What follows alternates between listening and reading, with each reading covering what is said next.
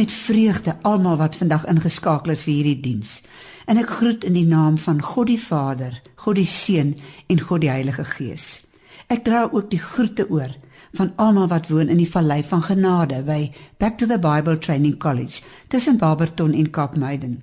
Hierdie college is vanjaar 25 jaar oud. So ons vier fees.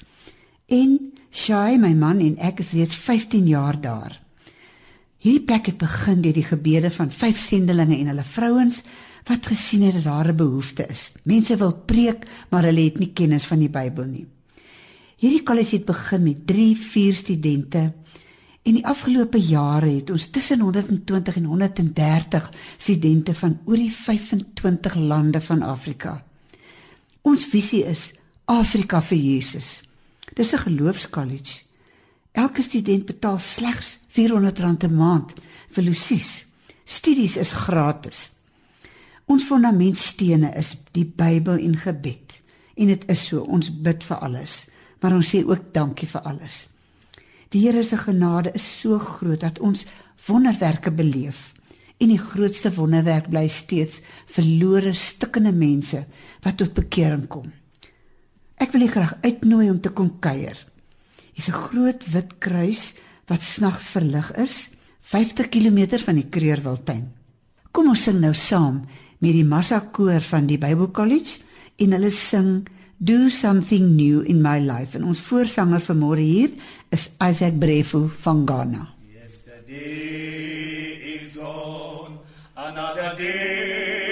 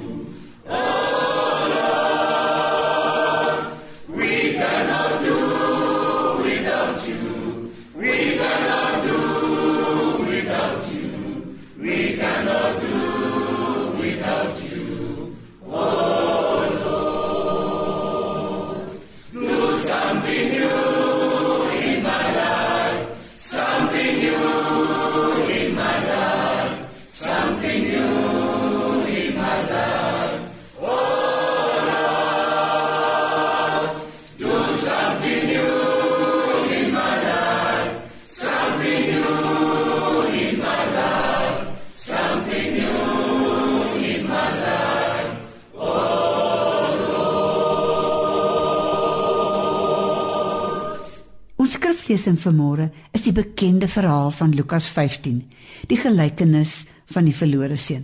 'n Gelykenis is mos 'n aardse storie met 'n hemelse betekenis. Ons lees verder het Jesus gesê: Daar was 'n man wat twee seuns gehad het. En die jongste het vir sy pa gesê: gee my die deel van my besittings wat my toekom." En hierdie pa het toe die goed tussen hierdie twee seuns verdeel. En dan ken ons almal die verhaal hoe dat hierdie jongste seun alles tot geld gemaak het en ver van die ouer huis af vertrek het na 'n ver land. En daar het hy sy geld verkwis en daar het hy losbandig gelewe. En nadat hy alles deurgebring het en daar hongersnood gekom het, het hy tussen die varke beland. En dis natuurlik 'n groot vernedering vir 'n Jood. Maar daar het hy tot homself gekom sê die ou vertaling en hy het begin dink en hy het begin terug verlang huis toe. En dan lees ons toe kom hy tot inkeer en sê my pa het wie weet hoeveel dagloners. Hulle het almal oorgenoeg kos. Ek vergaan ek van die honger. Ek sal dadelik na my pa teruggaan en vir hom sê: "Pa, ek het teen God en teen pa gesondig. Ek is nie meer werd om pa se seun genoem te word nie." Die ou vertaling sê: "Maak my soos een van pa se dagloners. En hy het sonder versuim opgestaan en teruggegaan na sy pa. En dan lees ons hierdie aangrypende woorde en ek wil hê jy moet in die gedagtes dink hoe het dit plaasgevind. Toe daardie krom geboë, miskien 'n vuil stinkende seun van ver af aankom, het sy pa hom al gesien. Hy het natuurlik gestaan en kyk en kyk wanneer kom my seun terug en het hom innig jammer gevoel. Hy het gehardloop hom tegemoet. Hy het hom omhels en hom gesoen. Toe sê die seun vir hom: "Pa, ek het teen God en teen pa gesondig. Ek is nie meer werd om pa se seun genoem te word nie." Maar sy pa roep sy werksmense: "Maak gou, bring klere, die beste. Trek dit vir hom aan. Sit vir hom 'n ring aan sy vinger en trek vir hom skoene aan." En bring die vetgemaakte kalf, slag hom, laat ons eet en fees vier. Hierdie seun van my was dood en hy lewe weer. Hy was verlore en ek het hom teruggekry. Toe het hulle begin fees vier. Ek het 'n paar tekste vanmôre. Vers 12 sê: Pa, gee my. Vers 18 sê: Ek het teen Pa en teen God gesondig. Vers 19 sê: Maak my vers 24 toe het hulle begin fees vier. My tema vir môre is van vergifnis tot vervulling. As kind was dit my voorreg om in my pa se kerk te sit, daar op Baklie Wes, en dan luister ek na sy preke en hy kon preek. Een van die verhale wat 'n diep indruk op my gemaak het, was die van 'n seun, 'n enigste seun van sy ouers, wat weggeloop het van die huis na die stad om te gaan rykdom soek en roem en eer. Sy ouers het niks van hom gehoor nie en hulle siek verlang. Uiteindelik het hulle 'n briefie na jare uit die tronk gekry. Pa en ma, ek het julle naam deur die modder gesleep. Ek sit hier in die tronk en ek het so berou dat ek weggeloop het van die huis. En ek wil vra vergewe my asseblief en as jy 'n kans sien om my terug te neem, Dit is die datum van my ontslag en ek gaan met die trein verbyry daar by ons huis wat daar langs die treinspoor staan. En as ek welkom terug is, bind asseblief 'n wit sakdoek in die peerboom agter die huis. Hy's ontslaan. Hy's in die trein op pad terug en hy het gewonder of daar 'n wit sakdoek aan die peerboom gaan wees. Hy was later so senuweeagtig toe die trein naderkom dat sy kompartementmaat vir hom gevra het wat fout is. Hy het toe sy verhaal gedeel met hierdie man en gevra: "Sal jy asseblief uitkyk by die venster of daar dalk 'n wit sakdoek aan die boom hang sodat ek kan weet of ek welkom is by die huis?" Toe die trein om die draai gaan, het hierdie kompartementsmaat uitgeroep: "Kom kyk, kom kyk, die hele boom is vol wit vlae." Daardie moeder het elke laken wat sy gehad het in stukke geskeur en gehang aan elke tak in daai boom. Om vir daai seun te wys, ek het jou lief. Ons het jou lief. Ons vergewe jou. Kom huis toe. Ek weet deesdae hoor ons dikwels dat mense sê, "Gee my." Ek eis. Dis my reg. Ek wonder wanneer laas het jy iemand gesien of gehoor huil oor sy sonde. Is nogal iets wat skaars is. Almal regverdig wat hulle doen. Almal blaker uit dit wat hulle mee spog, selfs met hulle sondes. Ek sou bly om te kan sê dat by ons kollege gebeur dit soms. Verlede week was daar een van ons pragtige dames wat baie verkeerd opgetree het en wat voor die hele kollege met trane haar skuld bely het. Dit het ons diep geraak. Jy weet die mensdom eis vandag. Hulle staan op hulle regte. Maar die Bybel roer steeds ons hart wanneer ons lees van hierdie verlore seun. Ek wonder of hy opgelet het dat sy toespraak wat hy nou voorberei vir sy pa om te sê maak my nou soos een van die diensknegte dat hy nie eens tyd gekry het om dit te kon klaar sê nie. Daardie pa het gestaan op die stoep, gekyk en gekyk en gebid dat sy kind moet huis toe kom. Want dit is so.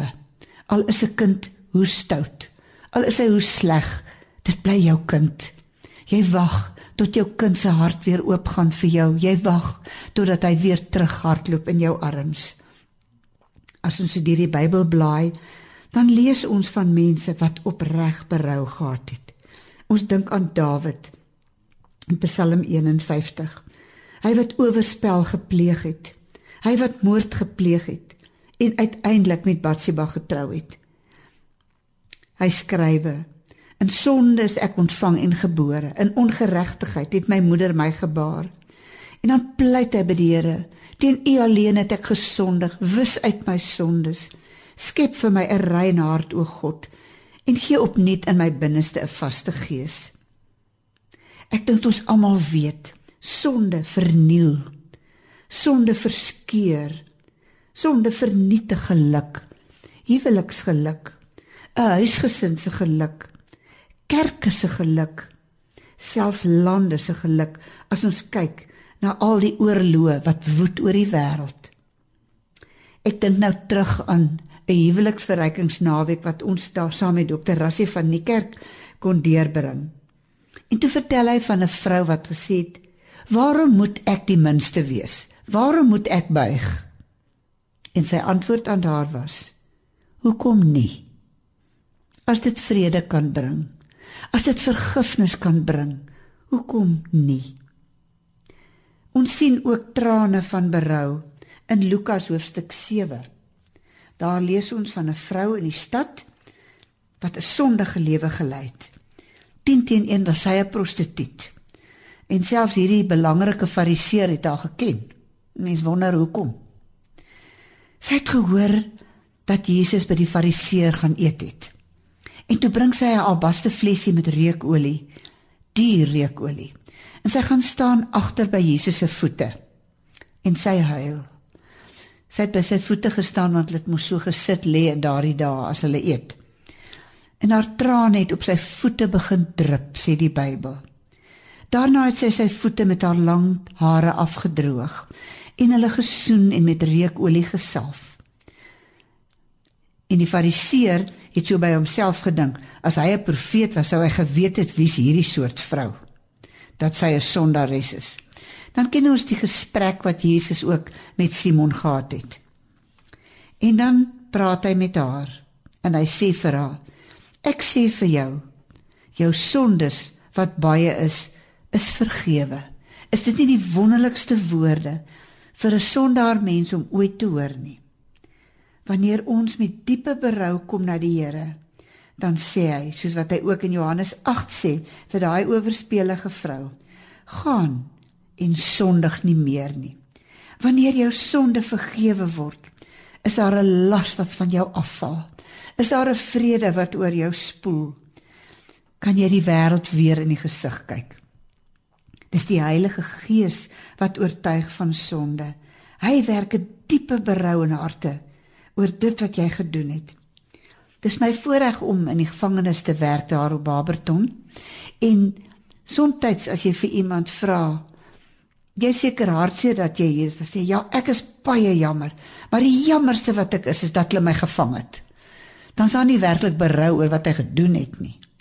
Maar ek is so bly dat deesdae doen die korrektiewe dienste moeite om die man wat die daad gepleeg het en die aangekla die aangeklaagde en ook die een aan wie dit gedoen is die misdadiger en die een wat veronreg is.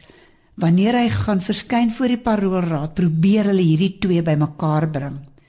En dan loop die trane en die spanning is hoog maar as albei kan sê ek vergewe vir al die veronregtes as hulle kan sê vir hierdie misdadiger en hom in sy oë kyk en sê ek vergewe jou dan is daar groot trauma wat afspeel. Daar's vrede wat kom. Daar is vergifnis. Want vergifnis bring altyd vrede en bring rus. Ja in die eerste plek moet 'n mens besef wanneer jy gesondig het doen jy jouself leed aan jy bring pyn in jou lewensmaat se lewe jy bring hartseer in jou pa en jou ma se lewe en in jou familie. Maar omdat ek in die eerste plek die sondelose seun van God gekruisig het met my sonde. Dit breek 'n mens se hart en dit laat jou besef dat my sonde is nie net beperk tot my en my sigbare omstandighede nie, maar die onsigbare lewende God moes 'n geweldige prys betaal. Die bloed van die almagtige God het gedrup op hierdie grond, hierdie aarde, sodat jy en ek kan vry wees. Ek dink nou so aan die gesangversie. Ja, ek kos hom die sla, die smarte en die hoon. Vir my word daar gedra die kleed, die doringkroon. Vir my was daar die wonde. Vir my moes hy daar hang. Hy moes vir al my sonde die bittere kruis weggaan. Ja, dit is die grootste wonderwerk van alle eeue. En dit gebeur elke week by ons college dat hulle kom vertel van mense wie se klipharde harte sag geword het en gebreek het. Iemand wat sy lewe oorgegee het, 'n verlore sondaar wat in die arms van die hemelse Vader vrede gevind het. Hy is die verlosser van die wêreld. Weet so dikwels blameer mense hulle omstandighede. So jy weet nie hoe moeilik is my omstandighede nie. Jy weet nie hoe ander mense my benadeel nie. Jy weet nie hoe my lewensmaat op my trap en my beledig nie. Jy weet nie hoe die skoon familie my verneder het nie. Dan weier hulle om te vergewe. En hulle doen hulle self die grootste onreg aan. Die grootste hartseer doen hulle aan hulle self. Want die een wat nie vergewe nie, hy is die slaaf van daardie een wat knaag aan sy gewete. Vandag staan die Here Jesus by jou. Hy het klaar betaal vir al jou sonde. Hy het klaar betaal ook vir die ewigheid wat jy alleen in die hel sonder hom sou gewees het. En hy nooi jou, kom na my toe.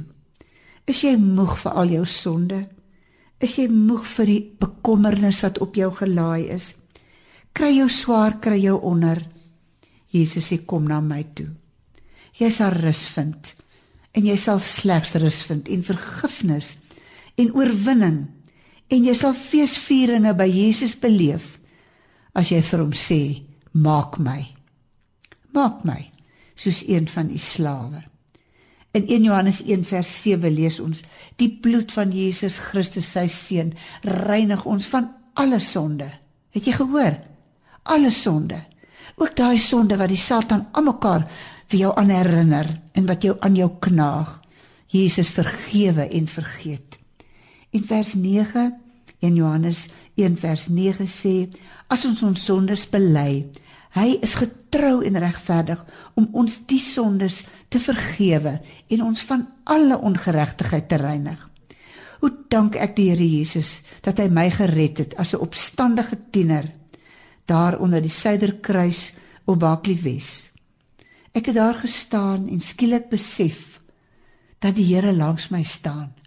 Ek het besef ek het hom gekruisig. My sonde het hom vermoor. En ek het my wil gebuig. Jy weet die filosoof Kant het gesê, "The highest worship lies in your will." Jou wil is die plek waar jy jou besluite neem. En as jy jou wil buig, dan is jy vry dan het jy die oorlog gewen. Dan skenk die Here by Golgotha vir jou die ewige lewe. en hy gee vir jou 'n nuwe hart. Die Bybel sê as iemand in Christus is, is hy 'n nuwe skepsel. Die ou lewe het verbygegaan. Jou beker kan nou maar oorloop van vreugde.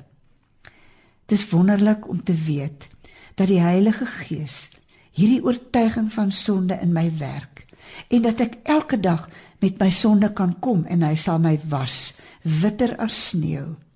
Jesaja 1 vers 18 sê: Al was jou sonde soos skarlaken, dit sal wit word soos sneeu. Al was dit rooi soos purper, dit sal wit word soos wol. Maar weet jy, ons hoef nie elke dag dieselfde sondes oor en oor te doen nie. Daar's 'n diep reinigingswerk wat God kan doen en wat hy wil doen. As jy kom by die punt waar jy alles oorgee, waar jy jou wil ten volle buig, waar daai eie ek van jou gekruisig word, dan hoef jy nie meer 'n val en opstaan, val en opstaan te beleef nie. Dan kan jy elke sleutel van elke kamer in jou huis in jou hart kan jy aan Jesus oorhandig. Dan bid jy saam met Jesus, nie my wil nie, U wil. Dan is daar 'n nuwe heerlikheid in jou. Dan kan jy vervul word met die volheid van die Heilige Gees. Ja, die Here gee vir ons 'n opdrag in Efesiërs 5 vers 18 word vervul met die Heilige Gees. Elke hoekie van jou lewe kan hy volmaak en jy kan wees soos 'n fontein wat opspring tot in die ewige lewe. Daarom waarsku die Bybel ons, moenie die Heilige Gees bedroef nie. Ek wil jou reguit vra. Johannes 10 vers 10 sê, Jesus die goeie herder sê, ek het gekom dat jy lewe en dit in oorvloed kan hê. Het jou lewe oorvloed? Loop jou beker oor van vreugde? Hoe kry ek hierdie oorvloedige lewe? Ek vra, ek smag daarna. Ek bely my sonde en ek gee my lewe aan die Here. En dan sal die pragtige vrug van die Heilige Gees waarvan ons lees in Galate 5 vers 22 sal in jou lewe geopenbaar word. Dit sal wees soos een tros met die naam liefde en dan nege korrels wat in jou lewe geopenbaar sal word. Moenie dink jy dit self of jy sal dit kry met besluite nie. Vra die Here dat hy deur jou gaan lewe. Dan gaan jy Jesus se liefde hê. Jesus se blydskap, sy vrede wat ewigdurend is, sy geduld, sy vriendelikheid, sy vrygewigheid, sodat jy ook die bedelaars langs ons lewenspaaie iets kan gee. Jesus kan gee nederigheid, selfbeheersing en natuurlik geloof. Dit wat hy gee verniet. Is jy soos 'n slang as iemand trap op jou klein toetjie, dan pik jy terug. Of is jy soos 'n wurm wat lê en sê, "O, mag ek niks wees, niks hier. Net aan u voet wil ek sit."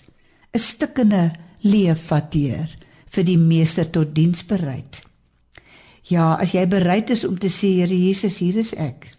Ek eis niks meer nie. Ek staan nie meer op my regte nie. Ek vra nie meer gee my nie. Ek sê maak my.